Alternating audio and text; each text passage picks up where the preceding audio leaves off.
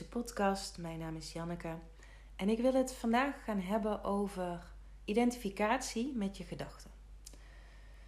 Want in mijn optiek is identificatie met je gedachten de reden van het, ehm, het lijden van de mens.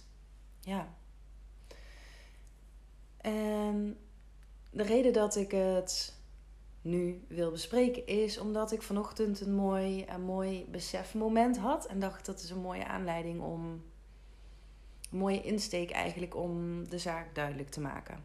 Het was zo, uh, Morris die heeft vandaag een wendag. Zijn tweede wendag op de basisschool. En um, vanochtend was hij een beetje verdrietig. Want hij vond het heel spannend. En uh, hebben een fijn gesprekje gehad over dat het helemaal oké is.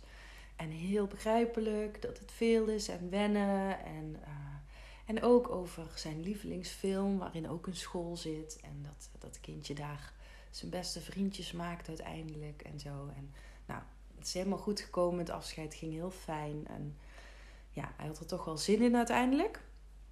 Super mooi. Nu kwam ik thuis en was ik een smoothie aan het maken. En toen kwam de gedachte in me op I did it. Ik heb die vier tropenjaren overleefd. Want zo heeft het zeker soms gevoeld. Ik heb die vier tropenjaren overleefd, hè, voordat uh, je kind naar school gaat. En die gedachte, die zag ik gebeuren. Dat, ik weet dat dat al een skill is. Um, dat de meeste mensen gewoon in hun denken zitten en het overkomt allemaal. En het gebeurt gewoon allemaal. En uh, dat je daar geen grip of keuze in voelt. Um, maar ik zag die gedachte dus gebeuren. En, uh, en ik wist ook meteen, oh ja, ja, dit is zo'n gedachte dat als je daarmee identificeert, dus als je die direct gelooft en je gaat daarin mee in dat verhaal, hè, ik heb die vier tropenjaren overleefd, dan kun je wel eens een hele dramatische tijd voor jezelf gaan creëren. Uh, dan sta ik daar gewoon een smoothie te maken, niks aan de hand. En het andere moment ga ik, ga ik investeren in, oh ik heb die vier jaar overleefd en dan gaat mijn brein verder op. Uh, allemaal beelden opgooien van hoe mooi het was en hoe zwaar het was. En nu is hij naar school en oh, drama. Daar is het ego briljant in. En, we love drama. Um, maar uh, ik koos daar niet voor. Ik koos daar niet voor. Want het is niet waar. het is niet waar. En je zou kunnen zeggen, ja, maar Janneke, je hebt dat toch allemaal meegemaakt. En je hebt dat toch allemaal overwonnen. En is toch ook knap en bijzonder en noem maar op. Ja, zo zou je het kunnen zeggen. Maar je zou ook kunnen zeggen, ik sta daar een smoothie te maken. De wereld ligt aan mijn voeten.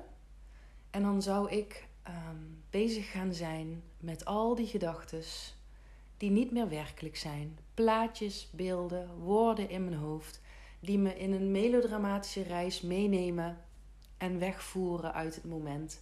En dan zou ik ook nog vriendinnen kunnen bellen om het er samen over, het over te gaan hebben. Hè? Hoe, uh, hoe mooi en, en intens het ouderschap is. En um, ja, dat kan. Dat kan allemaal. Maar uh, ik kies daar niet voor. En dat is niet per se nou om dit verhaal. Om dit verhaal met Morris. Want het kan ook heerlijk zijn om lekker even in je drama te springen. Be my guest. Uh, maar het is mijn vak en mijn, uh, ja, mijn toewijding om helder te zijn. Om, om een heldere leraar te zijn die aanwezig is. Um, en dat heeft, dat heeft een reden. Dat is niet omdat ik het nou zo erg vind om dramatisch te doen over het ouderschap. Maar dat mechanisme, het, het, uh, hoe het ego functioneert door zich te identificeren met, met gedachten uit het verleden, dat is het mechanisme waar heel het lijden van de mens uit ontstaat. Dat is het mechanisme waardoor je ochtends je bed niet uitkomt, omdat nog voordat je de dekens opgetild hebt, er al een gigantisch verhaal op je afkomt. Over wie jij bent, en wat je te doen hebt en wat je allemaal niet lukt, en wie je niet bent en wie je had moeten zijn. Dat is allemaal identificatie met verleden. Dat is allemaal datzelfde mechanisme. En ehm, het is mijn levenswerk uh, geweest om hier uit te stappen uit die verhalen. En voor mij was het pure noodzaak vanuit gewoon ontzettend heftige kindertijd en jeugd gehad te hebben. En ook nog eens heel erg gevoelig te zijn. En die combinatie maakte het leven voor mij ja, dusdanig ondraaglijk dat ik, uh, dat ik meerdere momenten in mijn leven um, heel graag er niet wilde zijn, omdat het gewoon te zwaar was. Um, dus, dus ik, vind, um, ik vind het heel belangrijk en ik voel ook echt dat het mijn missie is, mijn drijfveer is om mensen te helpen te onthechten van dat ego en, en wat dat ego doet. He, wat dat, um, want uh, zoals in het voorbeeld over Morris en over he, dat je dan in de verhalen kan gaan stappen over um, drama van het ouderschap. Zo kun je ook bijvoorbeeld uh, voor de spiegel staan, je tanden staan te poetsen en, en een traumatische ervaring steeds opnieuw beleven. Alsof jij het echt bent, alsof je het echt meemaakt. En het lijf doet gewoon mee, die voelt gewoon helemaal mee. En dan lijkt het een bevestiging van ja, zie je, dat ben ik en dat is echt.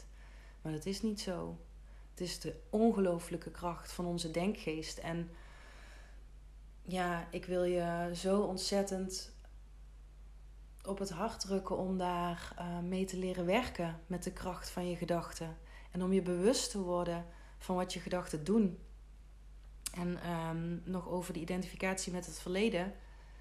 Als je kijkt naar een plaatje uit jouw verleden. Stel je zegt, ja, gisteren zat ik toch echt op een bank, dat was ik. Nou, haal je dat plaatje voor je, jou op de bank, en dan vraag ik jou, wie ben jij? Ben jij dat plaatje? Of ben jij de persoon die nu hier die podcast luistert? Je bent geen twee, je bent één. Dus wie ben jij? Werkelijk.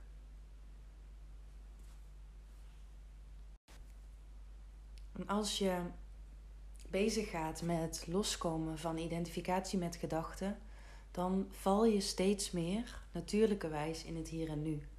Want de enige plek waar je ooit aanwezig zal zijn, daar kan het denken niet bij, want het denken beweegt altijd in de tijd. Maar jouw werkelijke aanwezigheid is alleen maar hier en nu. En als jij je volledig kan verbinden met waar je bent en volledig aanwezig kan zijn, dan kun je echt je allermooiste, meest liefdevolle leven leiden. Want angst en lijden zit in dat ego, zit in identificatie. En het ego zegt: ja, maar ik moet toch denken over dit en ik moet toch. Het heeft echt ontzettend veel verhalen waarom, uh, waarom het allemaal belangrijk is dat jij de hele dag in je hoofd zit uh, je bezig te houden met beelden en woorden en beelden en woorden die in je hoofd opkomen. In plaats van met waar je bent en met wie je bent. Um, dus het is nogal um, een klus om die identificatie uh, los te maken. Maar het is zo ontzettend de moeite waard.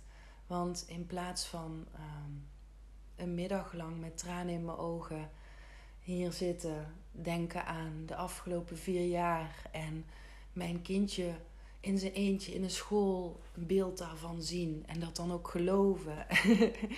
uh, zit ik hier lekker een podcast op te nemen voor jou? En welke is meer waardevol? En welke denk je dat me meer liefde brengt?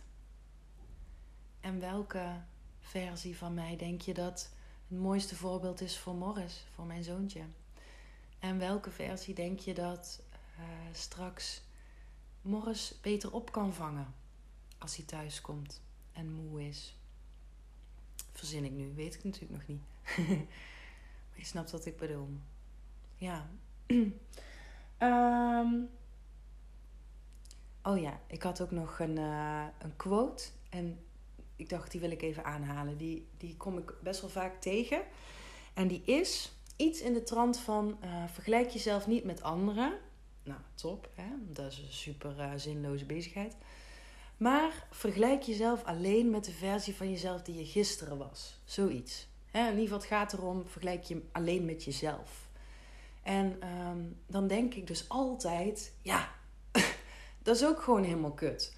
Want uh, hè, misschien ging het gisteren fantastisch en voel je je vandaag helemaal bagger.